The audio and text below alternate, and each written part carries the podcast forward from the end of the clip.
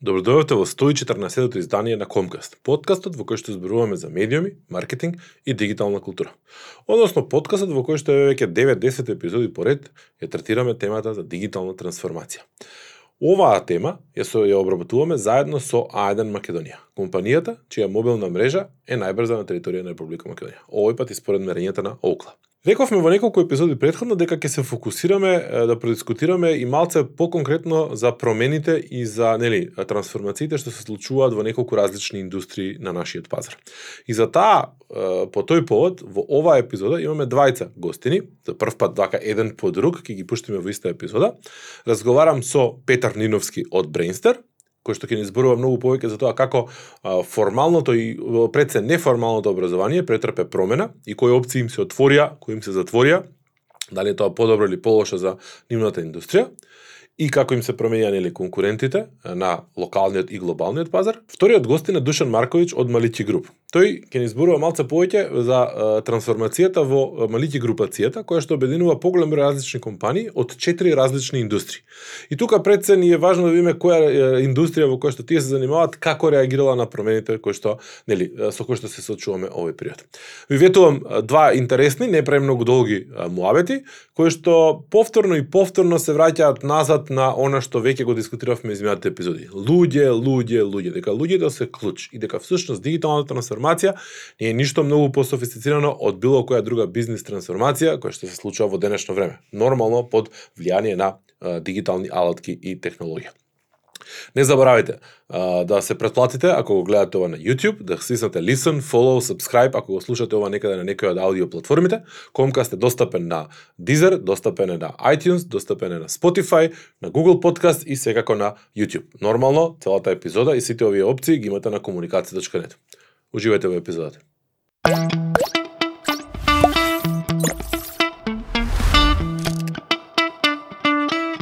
Петар, помина 6 години од првото твое гостување во Комкаст. Дали можеш да поверуваш? Да, тоаш баш почнувавме со Брейнстер и да, сварно, 2015 или 2016 мислам дека се се видовме последен пат кај тебе. Се видовме последен пат на емисија да 2015-16 година Брейнстер од тогаш досега преживеа еден куп многу трансформации, многу голем раст, многу промени, многу а, новитети внатре. До кај сме сега вака на кратко? Кој ти е one line pitch? Хм, а, 2022 година Брейнстер, неколку големи мајлстон што ги планиравме за, да речеме, десетина години од сега успеавме за малце пократко да ги достигнеме, као, например, бројката од студенти кои имаат поминато низ Брейнстер, поминавме претходната година 10.000 веќе студенти, моментално сме проширени во четири држави, освен неформално образование по кое сме познати од оваа година започнуваме со формално образование, тоа е Brainstar Next, Моментално тимот на Бренсте број 50 на луѓе со околу 150 инструктори, така да овие се некои бројки што се интересни за за споделување сега за сега. Супер. Изминатиот период, нели, спомнав, вие бевте низ фаза на многу трансформации, како и било кој стартап, нели, му требаше време дека се пронајде, дека го најде својот ниш пазар, дека го најде својот модел.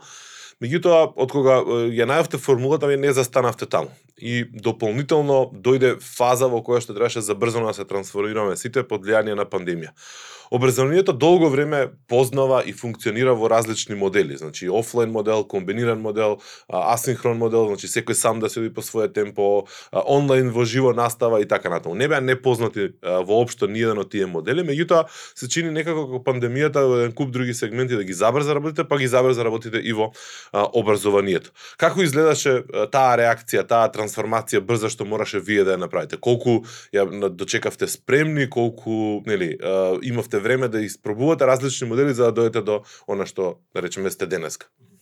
Ова е многу добро прашање. Најке ќе пробам да се на, да се навратам на назад баш моментот кога а, почна нели да се збори многу за за пандемијата, почнавме да ги сваќаме да, да ги разбираме информациите кои кои можевме да ги најдеме на интернет и во тоа мислам дека беше март 2020 година една од подобрите работи што ги направивме а, тогаш, од кога ги добивме потребните информации, е дека свативме дека пандемијата нема да заврши брзо. Оние експерти на чело на Трамп дека пандемијата ќе заврши во јуни на лето со зголемување на температурите и свативме дека не нема да биде така.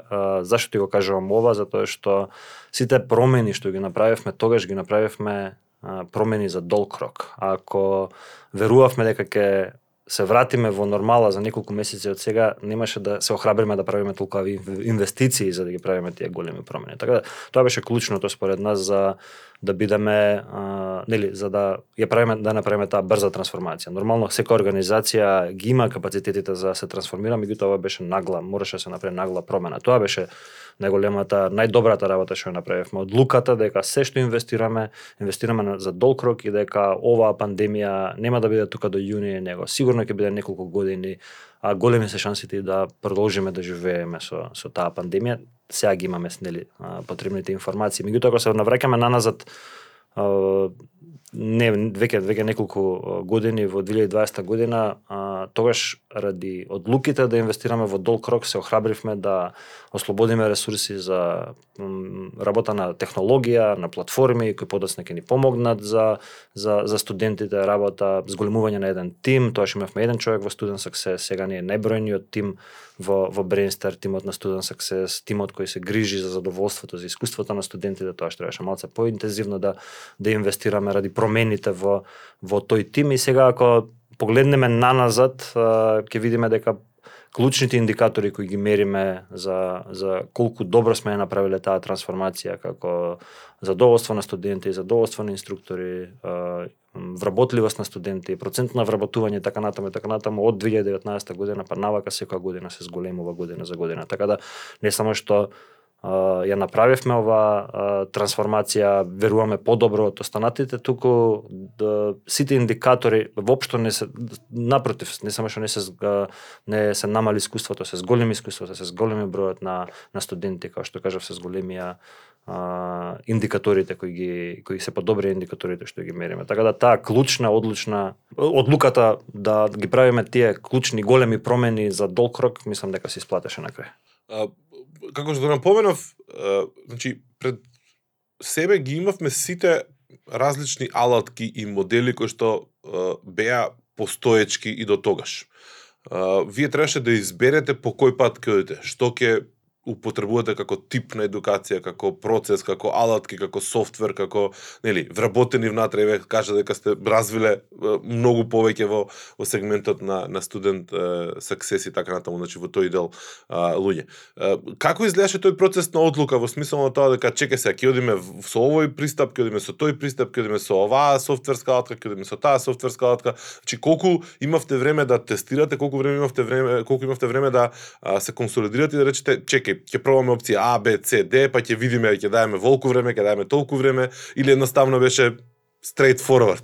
Да, немаше време многу за за а, во нормални а, а, ситуации, а, нели тие промени се се секојдневни, continuous improvement, оние мали промени, иновации, оние малце поголеми промени, меѓутоа тие ги нели ги правиме малце по малце. Овдека немаше многу многу време за експериментирање. Имавме, да ти ја кажам нашата ситуација, имавме полни групи кои почнаа офлайн, ние требаше да ги префрлиме онлайн, имавме уписи кои следуваат, имавме нови програми кои сакавме да ги лансираме. А, имавме среќа дека ние, како што кажав, за промени се се спремаме така да онаа платформа што ние успеавме за еден месец да ја лансираме после од кога влеговме нели во, во, во онлайн свет беше неколку месеци предходно започната да се работи. Така да малце бевме подготвени за таа трансформација, меѓутоа немаше во овој случај немаше време за за експериментирање. Затоа ќе се навратам пак назад. Од луката да ги правиме тие големи промени за долг рок беше клучна затоа што знаевме дека нема време за A/B тестинг и за тестирање на хипотези, него големите одлуки ги направивме сега, од кога ги направивме, од кога ги лансиравме големите работи да вработиме 10 луѓе во Student Success, да изградиме платформа која ќе ни помага во процесот на на учење, од која ги направивме тие, па понатаму продолживме со оптимизирање. Меѓутоа првата првата промена беше промена која немавме време да да правиме тестирање. Како реагираа останатите на, на, на глобално ниво? Значи, нели знаеме дека има куп сервиси каде што имаш едукација on demand, значи сервиси каде што ти можеш да си купиш курси, да си го изгледаш по твоја динамика, по твоја по твоја а, нели желба. Има а, книги, има други курсеви кои што можеш да нели вебинари, кои што можеш да се вклучиш во живо. А, како реагираат другите, да речеме, сродни, сродни неформално организации кои што работат во неформално образование?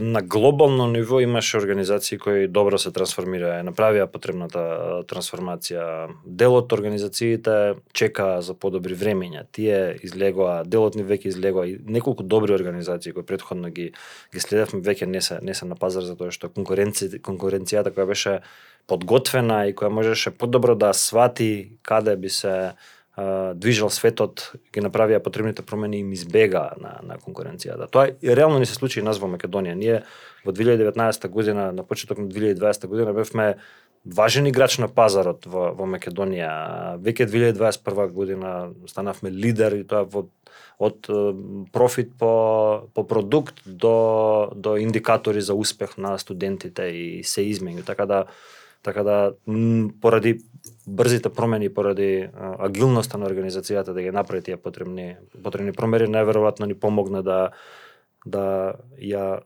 изградиме таа разлика помеѓу нас и останатите конкуренти. Колку реално се доближи сега она што вие го нудите или нели таа трансформација ве доближи до оние други е, сервиси кои што да речеме предходно биле онлайн онли, диджитал онли, значи колку сега вие одеднаш со оваа трансформација си отворивте друг пазар на конкуренција. Mm. И колку тоа реагира, нели на како на тоа реагираше публиката, колку ви даде да речеме простор да мора да бидете на друго ниво во поглед на квалитет за да се израмните со тие нови конкуренти условно речено, а колку ве стави во позиција да нели изгубите на, на, на важност затоа што сега денаш може да ве споредат со нели со Udemy да речеме. Со Udemy, да. да. И предходно и сега има еден процент што не сакам да го кажувам јавно, процент на луѓе кои предходно иделе на да посетувале курсеви на Udemy, па сега доаѓаат кај нас. Така да тоа што го нудиме сепак се разликува од од не дека не сме конкуренти, не можам тоа да го кажам дека не не се допираме со со тоа што го работиме, меѓутоа меѓутоа нашиот бизнис модел е малце по поразличен.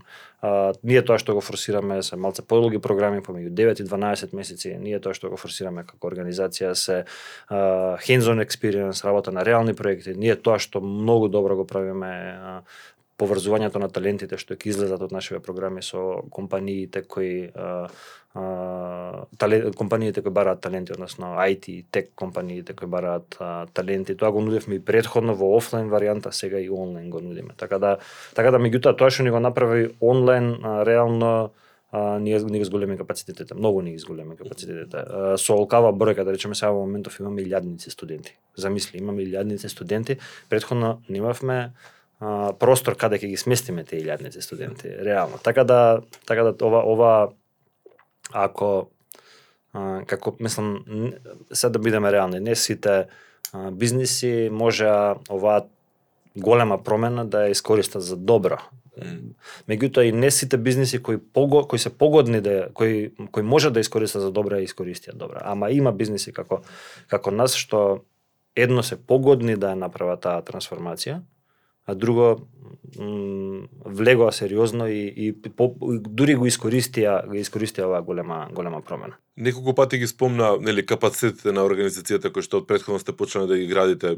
Кој напомена нели студент саксес делот и така натаму. А, според тебе кои организации капацитети се покажаа како клучни покрај нели ова што веќе го спомна за за таа брза и ефективна трансформација. Дали можеш да да, mm. да малце продискутираш на на таа тема?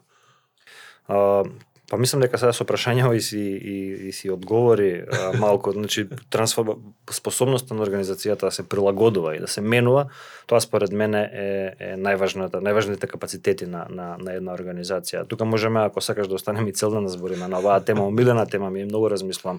Тука меѓутоа ќе пробам најнакратко што можам да ти кажам, а, најнакратко што можам за да ти кажам што што размислувам на на оваа тема.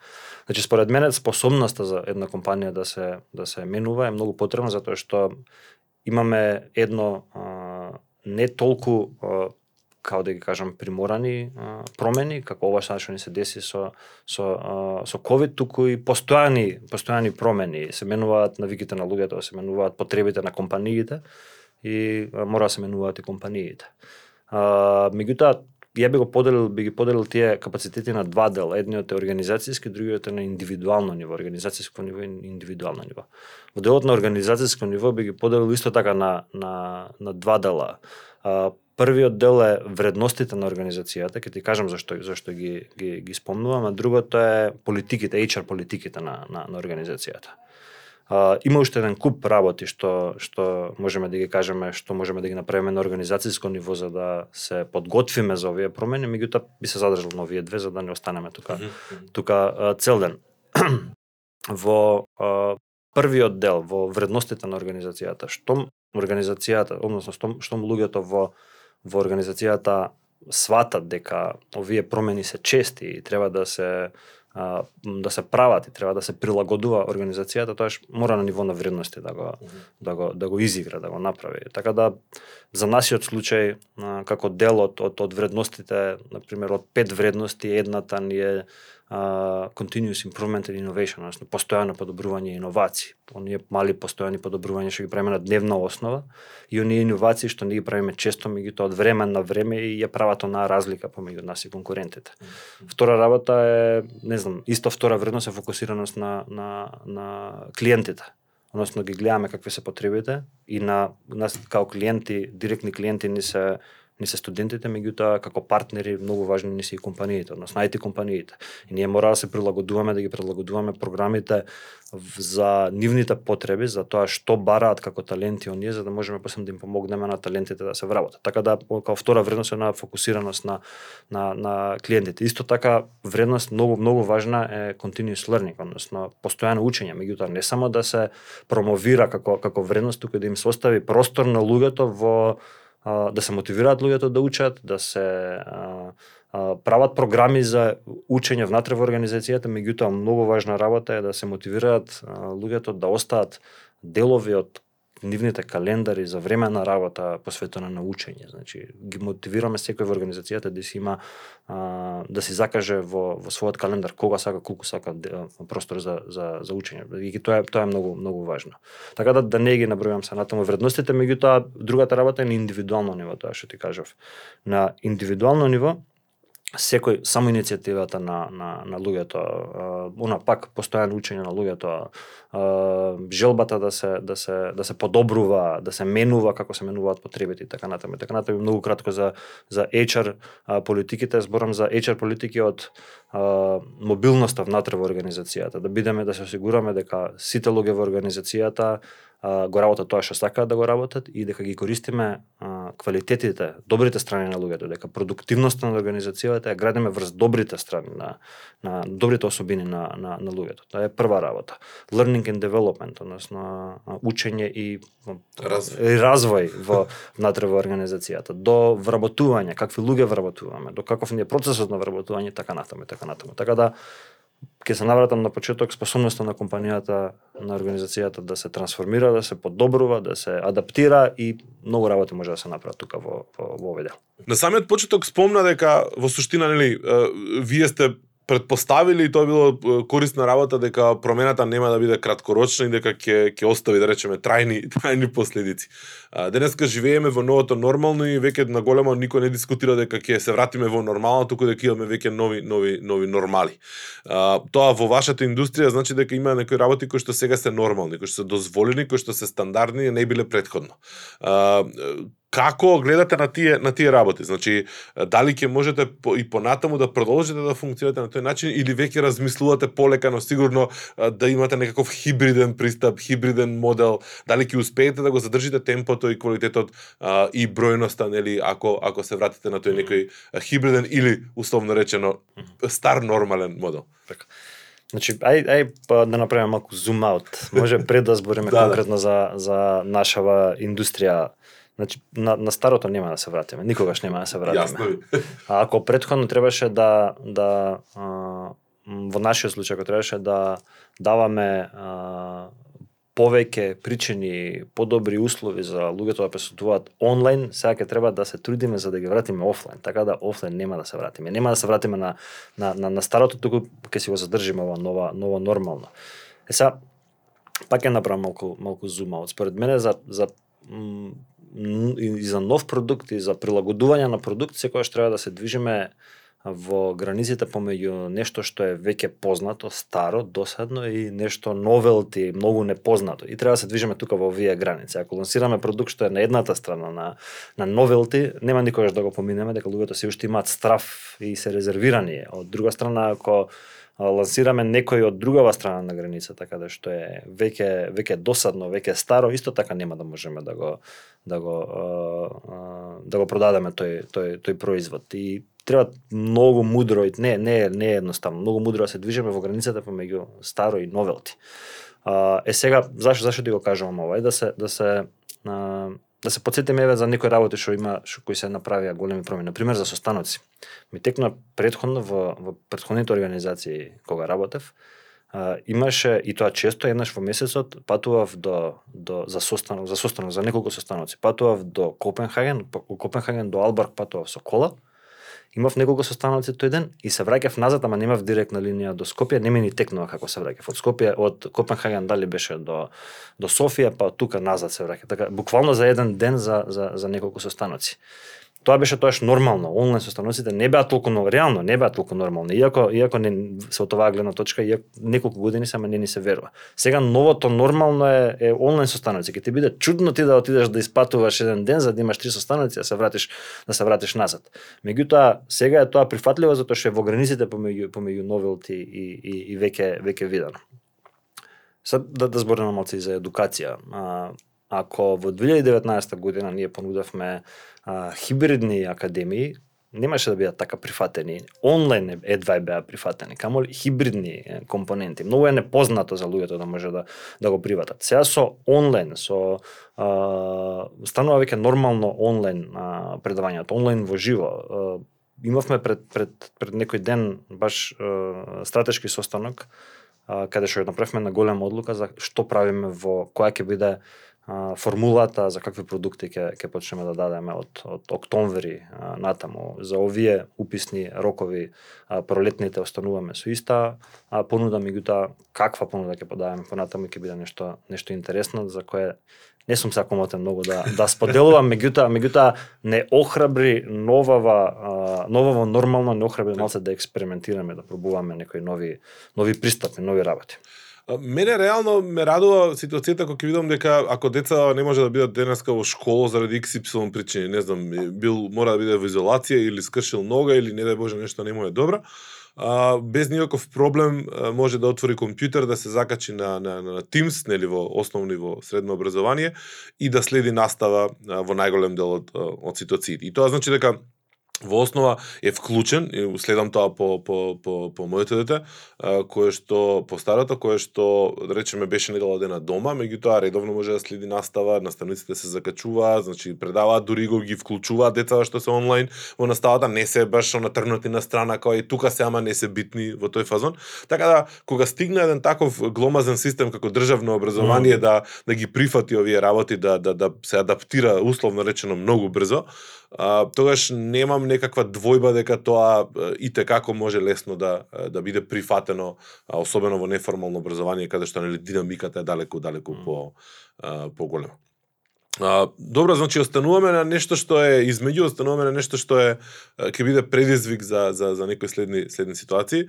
А, ајде класично за крај, што кои се плановите на Брейнстер за иднината? Пошто ти веќе нешто напомена, меѓутоа кажа четири пазари, колку овој модел и ова надминување на тие некои бариери на на физички простор, вашиот тип на на на бизнис модел го стави на мапата на на глобални на глобалните пазари.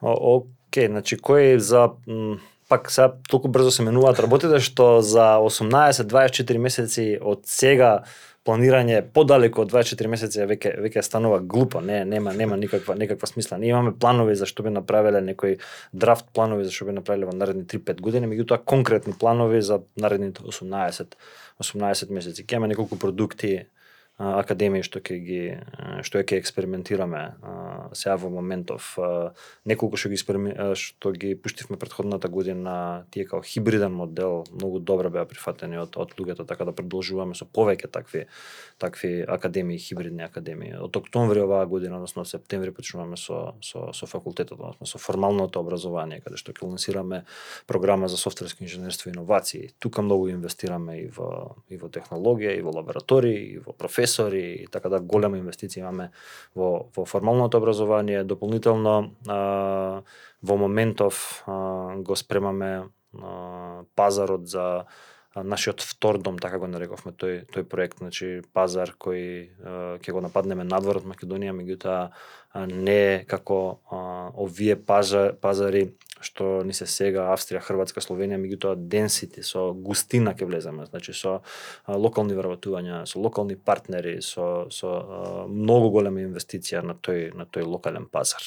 Дополнително нормално секогаш во пайплайн имаме некои некои сайт проекти као Brainster Next Platform, што сега во, во април, мислам дека ќе ќе ќе излага една платформа што ќе дознаете многу за кратко што се за што се работи. Имаме неколку а, експерименти во позадина што ги што ги тестираме. Така да горе доле горе доле имаме во пайплайн доста доста работа. Имаме неколку имаме една SaaS платформа што што во 2023 година ќе почнеме да ја да ја, да ја продаваме, односно од сите продукти до сега што ги развивме за нас ќе почнеме да ги продаваме и и за други едукативни институции интернационално. Така да има доста доста проекти. Сега сме во фаза каде што повеќе кажуваме не на работите и се фокусираме на тие работи што не се многу важни и полека полека као се слободуваат ресурси ги, ги, ги тестираме другите работи. Меѓутоа има има плодни и, и, и наредни неколку години за нас ќе бидат ќе бидат многу многу важни. Петар, ти благодарам за за мојот. ние јас се обидувам во овој циклус на теми на епизоди кои што се посветени за дигитална на дигитална трансформација да е, навлеземе подлабоко во различни сегменти, меѓутоа и во различни индустрии, затоа што многу често зборуваме за оние големи компании, големи големи е, концерни, конгломерати кои што нели им е предизвик да се трансформираат, а ги забораваме условно речено помалите бизниси или индустриите кои што и како трпат промени, а, а не им се посветува толку многу толку многу внимание, а може многу да се научи од нив. Јас верувам дека од Брейнстер и од образовната, да речем, индустријата на образование формално и неформално, може секој од нас да научи многу затоа што е, таква условно речено инертна индустрија многу брзо успеа да да се промени и цело време иновира, значи и на глобално и на локално ниво ние гледаме дека цело време се иновира, така да а, ти благодарам за споделеното искуство и нека не бидат 6 години до следното гостување, нека бидат помалце. Договорено, Дрко. Фала ти на тебе многу. Молам. Дуле, немаш представа колку ми е задоволство и мерак што конечно успеав да те убедам да дојдеш да гостуваш во, во Комкастот наш. Добре дојде. Добре, најдов и мене ми е многу драго.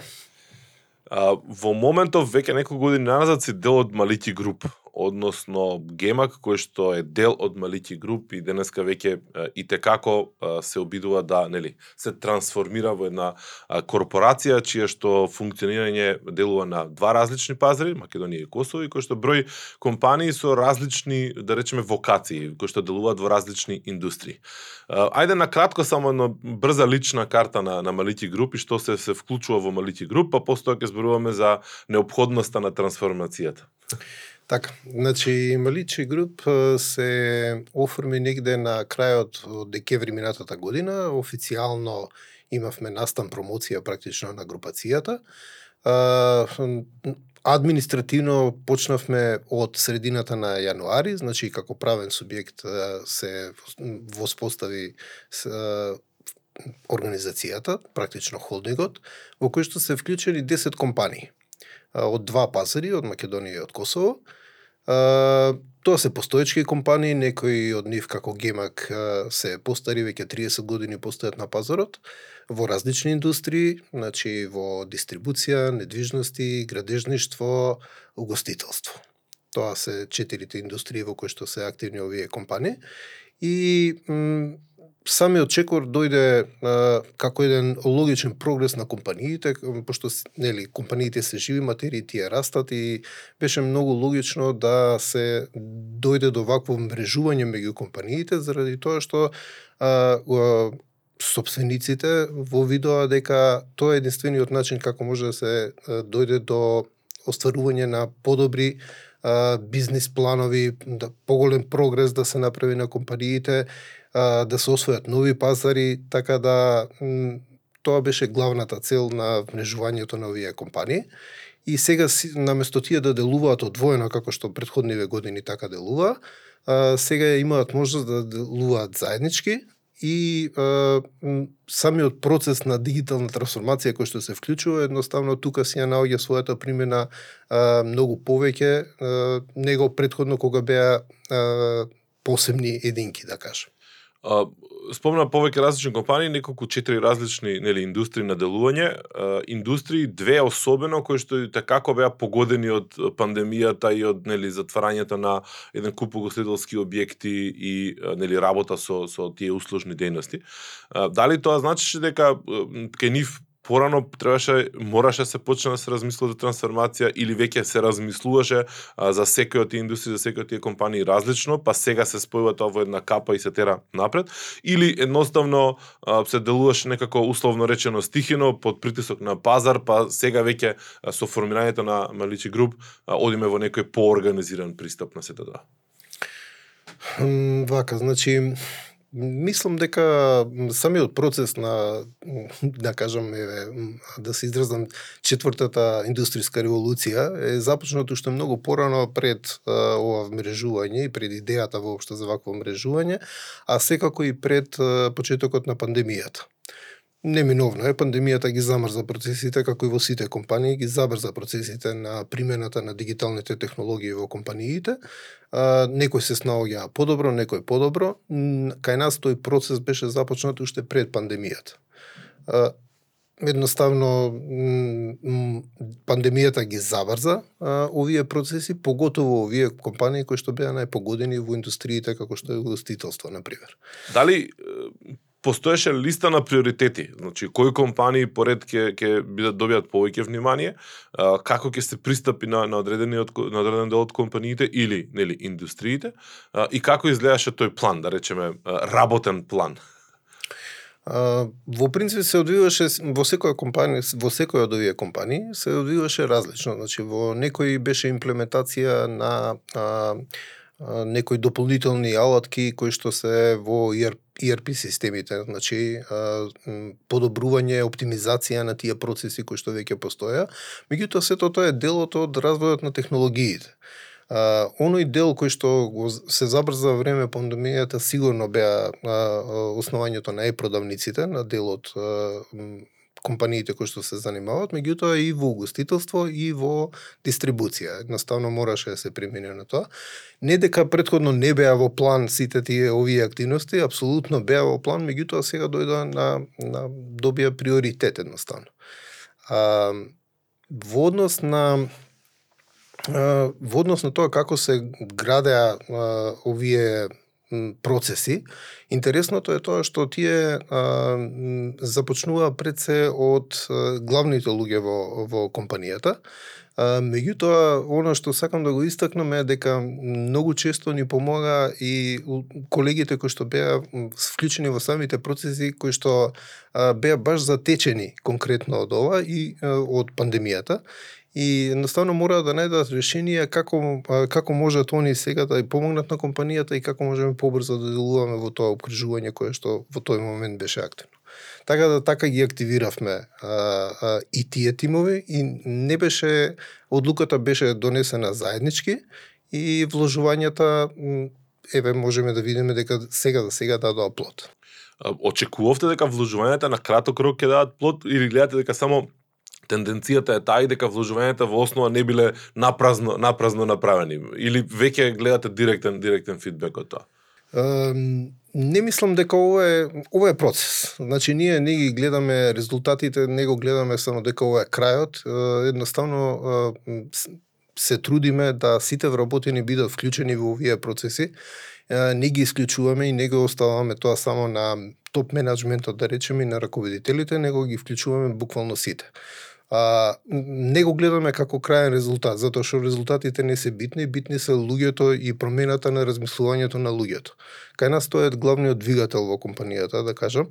А, моментално работиме на што подобра на комуникација помеѓу тимовите, А, значи, по самото себе што се 10 различни компании во 4 различни индустрии е навистина комплексен процес и за нас комуникацијата помеѓу тимовите е многу битна. Меѓутоа, фронтлайн не ни се дигиталните технологии. Да бидеме реални, тие ќе се развиваат, ќе бидат понапредни, иднината е пред нас и секогаш ќе поентата беше да ги натераме луѓето да размислуваат, да речем, некако како дигиталната трансформација што беше карактеристична за порано барем, беше карактеристична само за IT компаниите, а, многу е потешко да се имплементира во другиве компании кои што немаат таков мајндсет на вработени. И а, така да моментално работиме најмногу на обука на нашите вработени, на тоа вмрежување, на едноставно размислување на култура на промени, на постојана култура на промени и се фокусираме на пред се на самите тие процеси се воведуваат корпоративни процеси кои што е, буквално тоа им е целта да да ги раз, да ги тераат луѓето да повеќе да бидат активни во оваа насока. Не се фокусираме толку на резултатите, значи секако битни ни се, не не станува збор за тоа, меѓутоа се некако сами доаѓаат по себе.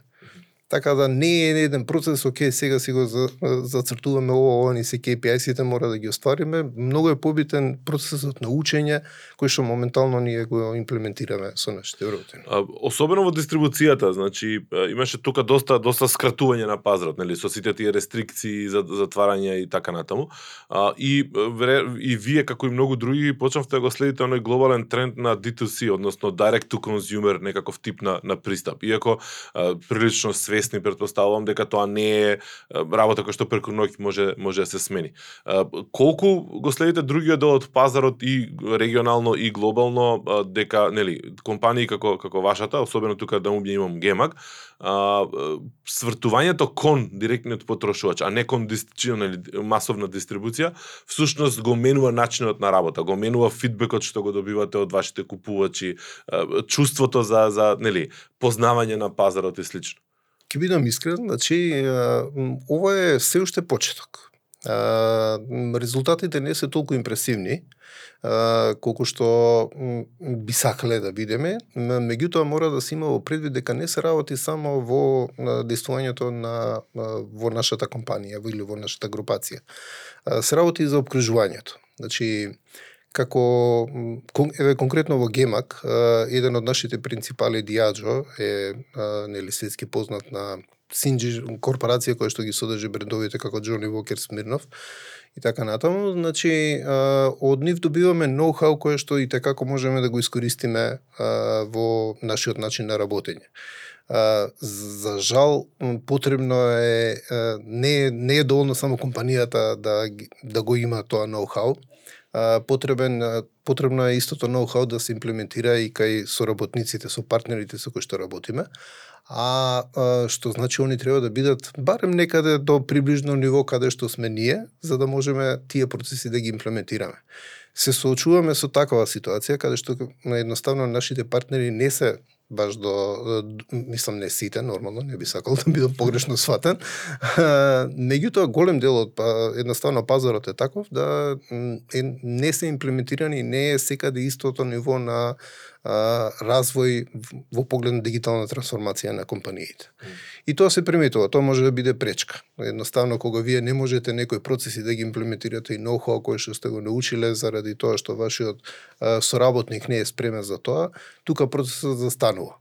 Па се трудиме да најдеме адаптација, се трудиме да ги обучиме и тоа е малце процес кој што трае подолго.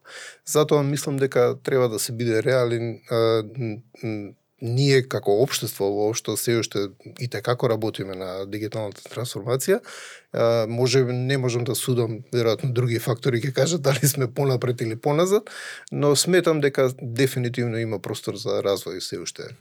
Следното прашање ќе ми беше кои беа најголемите предизвици со кои што се соочивте и ова беше еден од тие што ми ги кажа, значи во во рамки на Гемак. Дали со другите компании, особено можеби во во Parkland Group и слично, значи во гостителски дел имаше друг тип на предизвици со кои што се соочувавте или некакви генерални предизвици кои што делумно можеби се а, должат на пазарот или на самата организација, односно групација која што ја работите?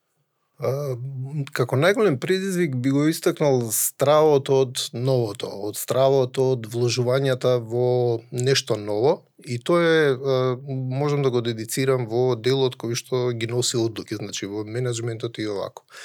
А, затоа во овој дел а, при формирањето на нашата групација многу вложивме во е, човечките ресурси, значи вложивме во донесување на нови луѓе воопшто кои што а, ќе ни помогнат да имплементираме оваа нова корпоративна култура, оваа промена на на на однесување на вработените на мајндсет што ја спомнав. А, а, идејата беше дека а, заедно новите луѓе заедно со постоечките сили кои што и така како се докажале за овие 30 години и постигнале резултати и успех кои што никако не можат да се занемарат или во нивен на смисла, стано беше потребен еден нов дух кој што ќе го покаже правецот на каде треба да одиме и а, се ангажира, значи ангажиравме од финансиско административен аспект и ангажиравме PricewaterhouseCoopers, а, значи консултантска куќа која што ни помогна да да ги поставиме работите а, како што сакаме да се развиваме во иднина. А, дополнително беа донесени а, консултантски куќи кои што ќе ни помогнат за а, управување со човечките ресурси. Значи, а, имплементиравме и софтвер, HR софтвер, кој што во моментов иде обука, обука на вработените, ка за негово користење, значи се поставија некои нови перформанс менеджмент системи кои што сите тие треба да допринесат на крајот за едно поефикасно, поагилно работење на сите вработени во групацијата. Оно што е убавината во сето тоа што сите делуваме како едно. Тоа е предноста и силината, би кажал, на овој проект. И за нас е ова нулта година, Дарко. Ние сега ги поставуваме вие работи. Резултатите ќе можеме да ги гледаме малце подосна. А, меѓутоа, оно што е за нас најбитно е тоа да помине што побрзо, А, и мислам дека ние земаме големи чекори во таа насока да сме едноставно верувам дека сме на прав пат тоа да го имплементираме. Како изгледа временската рамка која што се зададовте? Имате некакви фази, има некакви, да речеме, short term goals, mid term goals и така натаму или во нормално дека има, како сите планови кои што ги имаме, значи нашата проценка е дека во следниве година дена, откако ќе ги имплементираме сите овие работи кои што претходно ги напоменав, дека ќе ќе бидат во целосна функционалност, значи ќе бидат фули оперативни и така да би рекол една година е некој процес кој што е нормален, кој што ние го очекуваме. Ќе видиме. процес за да се имплементираат овие работи и постоја веројатно има предпоставам след на многу други. Значи, ова е само почеток, апсолутно дека, како што кажав, едноставно ова е процес, кои кој што ние само се обидуваме да ги подготвиме нашите вработени да можат да одговараат на предизвиците кои што ќе следат. Многу ми се допаѓа моето затоа што а, нели зборуваме за трансформација на на, на 10 компании кои што се обединуваат во една голема а, холдинг компанија, односно групација и зборуваме за за процес на трансформација, бизнис трансформација. И не толку многу всушност се фокусираме на фактот дека е тоа дигитална трансформација, пошто неминовно всушност таа трансформација во денешно време носи употреба на дигитални алатки или канали за комуникација Апсолутно. и така натаму. Така да во основа доаѓаме до оној муабет кој што вели нели дигитална трансформација е бизнис трансформација која што денеска било која каде се случува и Така. ова сега што го зборуваш ти уште еден уште еден доказ на на тоа. Ќе го повторам она што го кажав на почетокот. Дигитална, дигитална трансформација всушност е бизнис трансформација денеска и клучни се луѓето. Да. Затоа внимавајте што и како посветувате време и а, енергија за да ги направите луѓето со кои што работите посрекни и позадоволни за да може да испорачаат она што би требало да го испорачат. Ако уживавте во оваа епизода, кликнете лайк ако гледате на YouTube, претплатете се уште еднаш на некој од каналите каде што сме достапни и се гледаме во следната епизода. Поздрав!